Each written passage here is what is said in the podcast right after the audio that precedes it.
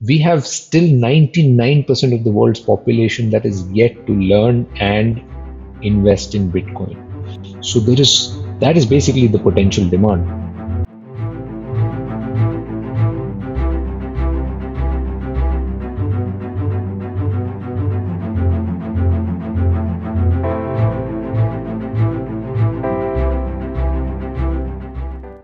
Welcome to Money Short this is a show जहाँ हम crypto currency mainly bitcoin and digital money discuss करते हैं। Simple format हम तीन चार दोस्त हैं who get on a call who get on a video call and we discuss crypto currencies we ask each other question and when they answer we counter question we argue we agree we disagree that's a format और इसको सुन के आप भी crypto currencies के बारे में सीख सकते हैं। सो so, आज का शो स्टार्ट करते हैं। I am Davis I am Parikshit and I am Vishesh So Parikshit has a great question for Vishesh today. So let's Parikshit, you start. Hey. Thanks service so Vishesh what we been hearing हमें जो सुनाई दे रहा है bitcoin के बारे में एक तो bitcoin is a currency it's it's called a crypto currency then you hear you know all these people all the news that's been going around around the world that is going to replace gold as a store of value i am very confused is it an investment is it a currency is it both it it, it really leaves me with a lot of doubt that is uh, that is a common uh, you know question for people who are beginning in this space. I had the same questions. And it is sort of difficult to understand because we have, you know, sort of forgotten uh, the core principles of money. Um, and I think it'll be good to sort of begin there. But uh, let me also, you know, sort of explain what is money, right?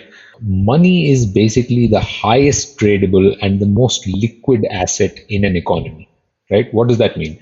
It means that it is that asset that is exchangeable for any good or service at any location or, or with any merchant or any vendor anywhere within this economy.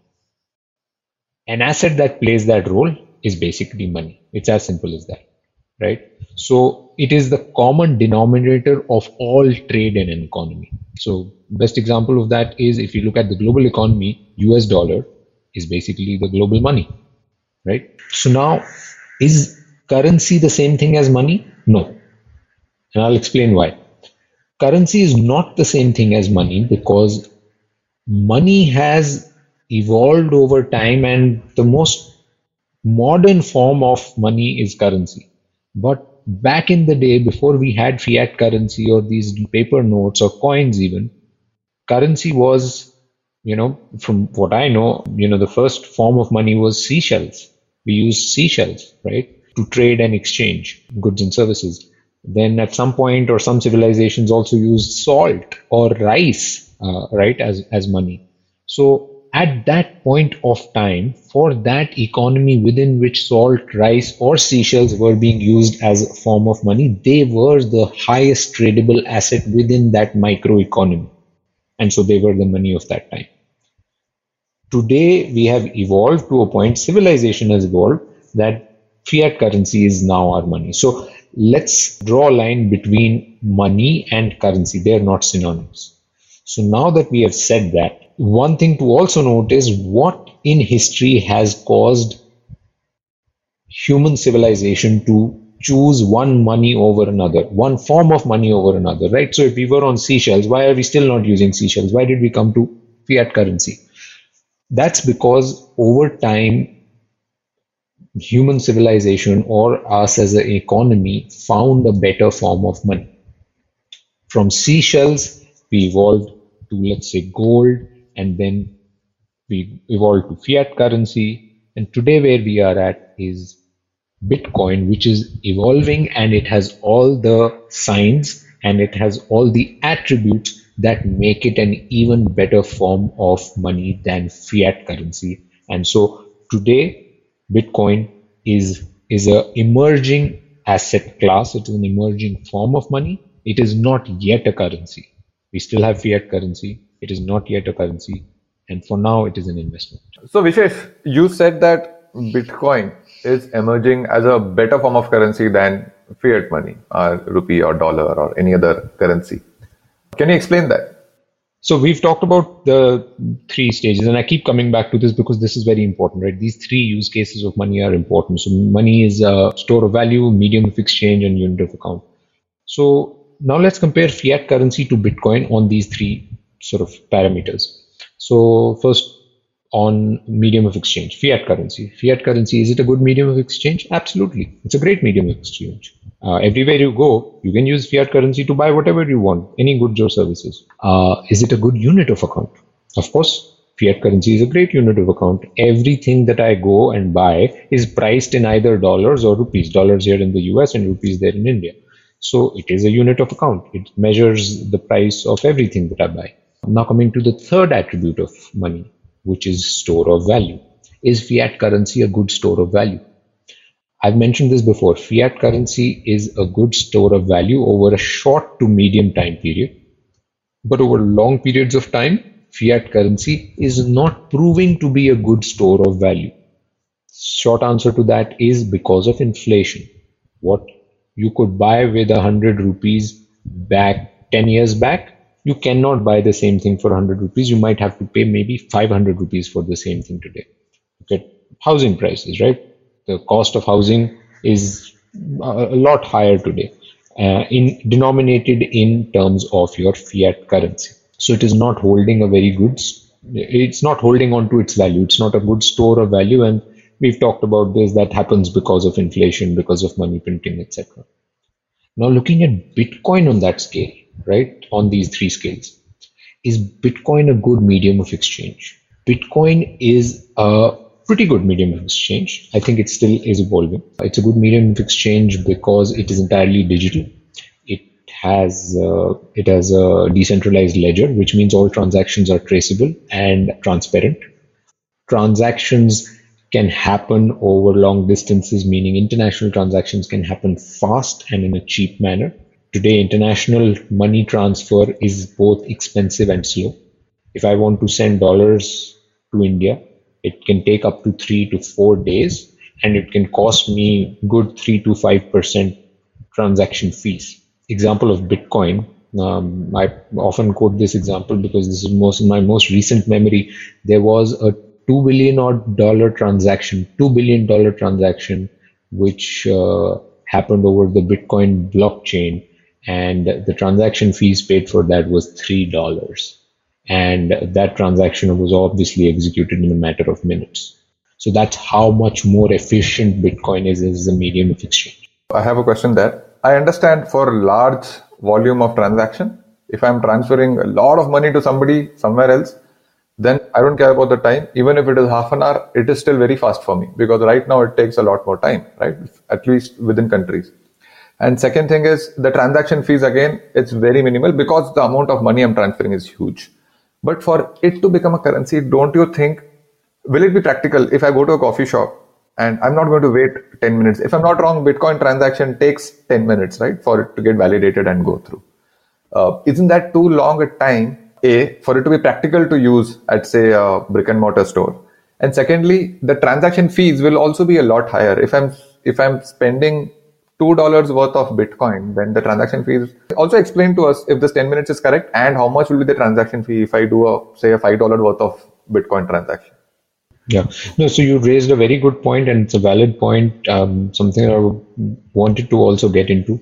You are right that right now this efficiency that I gave in the example of international transactions of a large volume of money or large sums of money, it sounds better uh, it uh, performs the transaction in a matter of minutes versus days, and the transaction fee is much lower. But when it comes to smaller transactions, to settle a transaction on the Bitcoin blockchain protocol, it can take definitely more than 10 minutes. 10 minutes is how long it takes to you know solve the cryptographic puzzle that the miner has to solve before he can build a block uh, or add a block to the you know blockchain. But you want multiple transactions or multiple block confirmations before you can say this transaction is definitely good. It can take 30 to 45 minutes for one transaction to happen. And then you are right that if for a small transaction, because the value of the transaction in the blockchain, in the Bitcoin blockchain does not matter. So whether it's a $2 billion transaction or a $1 transaction, the transaction fee is most likely going to remain the same. So it's in this example, I said three dollars. So if this person had tried to send one dollar to somebody, even then the transaction fee would have been about three dollars. The total value of the amount being sent does not really matter. And so yes, in smaller transaction, it is not that efficient. And that is the reason why Bitcoin is not yet ready to be a currency. That is the reason why I do not think that Bitcoin is a currency. Yes, its name is a cryptocurrency. Yes, it is built for that and it can get there. But today, Bitcoin is not, it's an investment. It is not yet there as a currency. To get there, this technology, this technological challenge has to be improved uh, or has to be uh, sort of surpassed. And um, there are a lot of uh, people working on this. There's a lot of innovation happening in this space. Something you can read up on is also called the Bitcoin Lightning Network, which is being built to allow for faster and more efficient processing of micropayments so that one day you can in fact use Bitcoin uh, for to pay for your coffee. In fact, let me not say one day. This network is actually live. I mean, it, it is just being tested at scale now. The technology is already there. It's now a matter of adoption and to test how at a large scale and mass adoption how well it will work. So it's sort of in a beta phase. So the technology has already been built, and maybe even better versions of this will be built. So that's that's my answer to uh, sort of whether it can become a currency that you can use to pay for your uh, coffee. So going back now to you know comparing Bitcoin versus fiat currency on those three parameters. So we already talked about medium of exchange. Now, how is Bitcoin as a unit of account? Well, if you remember, I mentioned that in an evolution of money, it starts with a collectible, then it becomes a store of value, then it becomes a medium of exchange, and then finally it becomes a unit of account. And I just explained that Bitcoin is not yet mature enough to become a medium of exchange. It is still getting there. The technology is still evolving, and its uh, acceptance also needs to be at mass. And you know, we are in the early stages of Bitcoin acceptance globally. So when it achieves the medium of exchange, then it will be ready to move on to the next stage, which is unit of account. And through this time, Davis, we will also address volatility. Right now, because it's an investment and its price is fluctuating, it is volatile. But as it achieves these other stages of evolution, medium of exchange and unit of account, its price will also begin to stabilize and then it'll have a good use case for currency.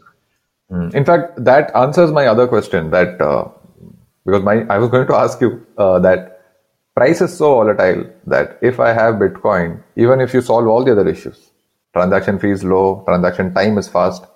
Why will I spend it on coffee when I know that it has potentially it can potentially become double or triple or even more down the line? And same because it's volatile for the from the business point of view, their point of view will be why should we accept Bitcoin if we know that tomorrow it's gonna crash and we need this money that we're collecting for our operations. We are not going to store it forever. We are going to buy inventory of this. That's right. So, but yeah, like you're saying, it will only become a currency probably in future.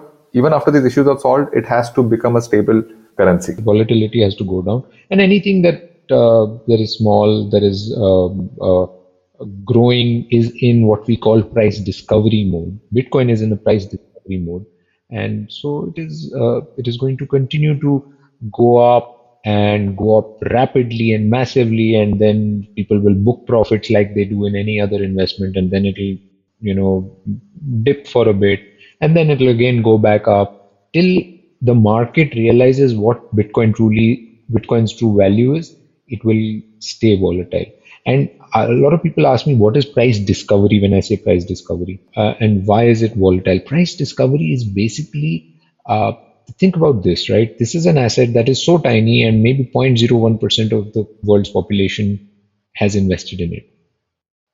Compare this to gold. Gold is not volatile, right? Gold is at an equilibrium, as you call it, in terms of its price, in terms of its volatility. It doesn't fluctuate as wildly as Bitcoin does. Why is that? Because there are no there's no surge of new buyers, new demand coming into gold every day. The whole world knows about gold everybody who had to invest in gold has already invested in gold. Yes, maybe, you know, you and I will decide, okay, I want gold, but it's not like a surge of demand that's going to come into gold. But Bitcoin right now is such a tiny asset. It does not have that kind of uh, global reach, but every day hundreds of thousands of people are learning about bitcoin. There is so much knowledge. You know what we are doing there are millions of others who are going out there and talking. And we have still 99% of the world's population that is yet to learn and invest in bitcoin. So there is that is basically the potential demand. So as that demand as that market comes into bitcoin its price is going to go up. Until that stage when we get to a point where 100% of the global population has sort of invested in bitcoin or if they wanted to they you know at least know about bitcoin and then it'll stabilize. Until then this is all an investment opportunity because until then the price will keep going up and in the process there will be a few dips we are also looking at bitcoin as a currency tomorrow and हम लोग मतलब अगर आज के दिन भी बात करें तो globally we are 8 billion individuals and we're just talking about 21 million bitcoin so with, with the limited supply won't it be very difficult to make it a day-to-day currency tomorrow Yes, it's, it's this is a good question, and it's important to sort of understand this that Bitcoin, uh, when we say there's only 21 million, you know, first thing that comes to people's mind is that there's not enough for everyone, right? If it becomes currency, what do we do? Uh, we're 8 billion people, we don't have enough Bitcoin. But uh, that's where it's important to understand that Bitcoin is actually divisible. One Bitcoin, when you buy Bitcoin, first of all, you don't have to buy a whole Bitcoin right? One Bitcoin can further be broken down into a hundred million units. Just like one rupee can be broken down into hundred pesa, or one dollar can be broken down into hundred cent, one Bitcoin can be broken down not into hundred sats. The units, uh, micro units of Bitcoin are called sats. Not just hundred sats, but a hundred million sats. So now you're talking about 21 million into a 100 million. I don't know what the math is. And the best part, if Bitcoin were to grow, the price would be so high that even the 100 millionth unit will not be enough to do the smallest transaction in the economy, right? Then it can be broken down further. Breaking down or making Bitcoin more divisible does not affect its supply, right? It, it is just adding another zero after a decimal. So you can add as many zeros after the decimal and you can make it one Bitcoin can be broken down into one billion small parts and then it will be enough to go around. So important to understand that it is not something that is not important for people to buy one whole Bitcoin. You can buy one rupee worth of Bitcoin also. You can buy as small version of a smaller unit of Bitcoin as, as you want um, and depending on what you can afford. All right. Okay. I think that, uh, that answers that question pretty well. So uh, I have another question, not related to our previous questions, but related to our topic of currency.